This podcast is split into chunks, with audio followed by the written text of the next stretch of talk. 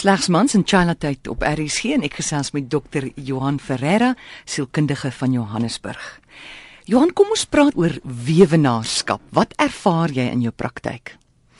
Man weewenaarskap is nou een van die weeskinders van die sielkunde. Dit is nie noodwendig iets wat baie oor geskryf word of baie oor gepraat word en wat ons ook nie noodwendig baie in ons praktyke sien nie. Dit beteken nou glad nie dat dit jy weet dat die sielkundige impak van weewenaarskap nie bestaan nie. Hmm. Meeste van die navorsing wys vir ons dat weduwees veronderstel om meer kwesbaar te wees as weewenaars, waar ons nou leef glo dat dit nie meer so is nie. Mans is baie afhanklik van hulle vrouens op 'n verskeidenheid van vlakke. Samelewing het baie verander. Wanneer 'n man se vrou dan nou sterf, dan moet hy voorbereid wees daarop om haar rolle oor te neem. Dit hang af op watter stadium van van die lewe sy nou sterf. Maar as hulle byvoorbeeld nou klein kindertjies nog het en partner nog nooit 'n doek geruil of 'n bottel gemaak nie, dan uit die aard van die saak gaan dit 'n geweldige krisis vir hom veroorsaak. 'n Weewenaar kan 'n 33-jarige jong man met twee klein kindertjies wees wat dan ongelooflik kwesbaar voel. Skielik moet hy nou weer begin dink daaraan dat hy, jy weet, beskikbaar is dit is so dat statisties daar daar baie meer beskikbare vrouens vir verhoudings is as wat daar beskikbare mans is in al die ouderdomsgroepe maar met van die mans wat ek nou al gewerk het voel 'n geweldige kwesbaarheid omdat jy weet hulle voel jy weet hulle kry nou skielik verskriklik baie aandag ehm um, waarvoor hulle dan dalk nou nog reg is nie Ek dink ook om ons ook so bewus is van 'n weduwee se probleme is vroue praat meer en makliker oor hulle omstandighede. Ek dink wat dalk beter sal werk is is dat as daar iemand in jou lewe is wat nou sy vrou verloor het aan die dood, is dat dit, jy weet, ons as die gemeenskap se se plig is om ook daarom maar vir hom te vra. Mm. Jy weet of of alles reg is met hom. Jy weet, weet hy dan hoe om 'n eier te kook? Weet hy dan hoe om die wasmasjien te werk? Weet hy hoeveel die bediende verdien? En daar is nou maar die meer tradisionele rolle. Jy weet 'n man wie se vrou byvoorbeeld al hele lewe lank gewerk het wat sterf, moet uit die aard van die saak sekere finansiële leiding kry. So die speelveld het heeltemal verander in terme van wat gebeur as 'n man sterf of wat gebeur as 'n vrou sterf en dit het baie meer dieselfde geword. So die kwesbaarheid wat weduwees beleef het vroeër jare het nou oorgespoel na weewenaars toe. So hulle behoort eintlik net soveel aandag te kry um, en ondersteuning te kry as wat as wat die vrou sou kry wat haar man verloor het. En as jy nou 'n verhouding ingaan met 'n weewenaar. Mense hoor altyd nogal ek weet nie wat die statistieke sê nie, maar dat weewenaars nogal gou weer trou. Gouer is weduwees. En baie keer iemand het eendag gesê dis juist hulle wat so gelukkig getroud was wat gou weer trou. Hmm. As jy nou in 'n verhouding is met 'n weewenaar, eh, is dit gesond dat hy van sy vrou se foto's nog teen die muur het en hy dat hy heeltyd praat van sy sy gewese vrou?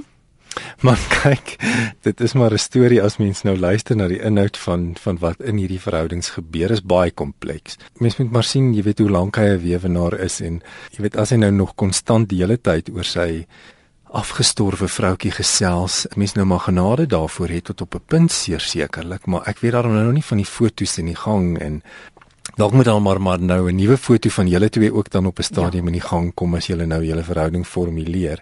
Maar mens moet genade hê vir vir mense se geskiedenis. Veral as dit nou 'n jy weet 'n 30 of 'n 40 jaar huwelik was. Mens mens kan nie misken dat iemand vir so lank deel van jou lewe was nie. Maar mens moet ook daarom aanbeweeg op 'n stadium en daarom nou jou nuwe maat in ag neem. Dat, dat die nuwe maat nou nie plek nommer 2 inneem naas die een wat afgesterf het wat nou verhef is tot een of ander godin nie want natuurlik is dit natuurlik nou nie die waarheid nie.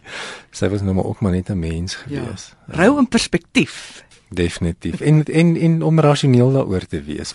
Johan dit kan nog 'n tamaletjie raak. Ek meen nou jy as weewenaar nou bring jy 'n nuwe vrou in jou lewe in in jou kinders wat nog verknog is aan hulle ma wat dood is dit kan nogal kompleks raak want mens moet nou 'n verskeidenheid van mense se emosies in ag neem. Die beste is dat die persoon wat nou die nuwe maat inbring, dit tog nou asseblief in deursigtigheid moet doen. Moet dit nie wegsteek nie. Praat dadelik met die kinders al is hulle klein of is hulle nou al groot mense. Deel die inligting sodat hulle oor tyd daaraan gewoond kan raak dat daar nou die moontlikheid van 'n nuwe maat in jou lewe kan wees. En dan om te verwag dat die kinders dit sal aanvaar. Moenie vir hulle die keuse gee. Jy weet, net as dit reg is met julle, dan sal dan sal pappa nou 'n nuwe vriendin kry. Nie want net nou sê hulle nee en dan wat gaan jy doen? Mm. Jy weet jy bly die verantwoordelike persoon in jou lewe. So jy neem die besluit en dan lig jy hulle in, maar asseblief doen dit tog nou net sag en oor tyd, gee hulle genoeg tyd om aan te pas en dan kyk ons of die, jy weet, of die nuwe persoon in die in die gesin, in die familie kan integreer. Jong mense hoor rillers van kinders wat sê nee, jy gaan nie ma se klere uit die kas uitvat nie. Dit is so, dit bly natuurlik nou natuurlik nie hulle besluit of ma se klere uit die kas uit gaan nie dit bly tog nou maar sekerlik die lewensmaat se besluit. Mens moet daarmal weer na die tydlyn kyk, jy weet. Dit help nou nie jy probeer dit nou binne 'n week of binne 'n maand doen nie. Laat dan maar genoeg tyd verbygaan. Die kinders moet natuurlik ook nou besef dat dat die pa of die oupa gaan nou vereensaam. Jy weet, hmm. hy gaan hy's nou gewoon dag aan gewees om 'n maatjie by hom te hê vir vir 'n lang tyd en nou is hy skielik net alleen. So om maar genade ook te hê vir sy proses. Jou raad aan weewenaars? Weet jy die beste is om afsluiting te kry oor die verhouding wat verby is. Dit is altyd hartseer as iemand sterf want as soos die persoon sterf, sterf ons verhouding dan natuurlik nou ook. Dit beteken nie ons verloor ons geheue en ons emosies oor die verhouding nie, maar die verhouding bestaan nie meer nie. So laat jouself toe om deur die rouproses te gaan. Uh, Moenie nou nie 3 sekondes na jy 'n weewenaar geword het nou 'n volgende verhouding betree nie. Dis net dom. So gaan deur die rouproses en dan besluit of jy weer beskikbaar vir verhoudings wil wees. Um, en dan maak 'n ingeligte keuse oor oor hoe jy jou lewe vorentoe wil hê. Jy gaan nooit weer die verhouding hê wat jy gehad het nie. So hoe sou die nuwe verhouding moet lyk? Laat jy nie probeer om die persoon in jou lewe te vervang nie. So gesels Dr. Johan Ferreira, sielkundige van Johannesburg.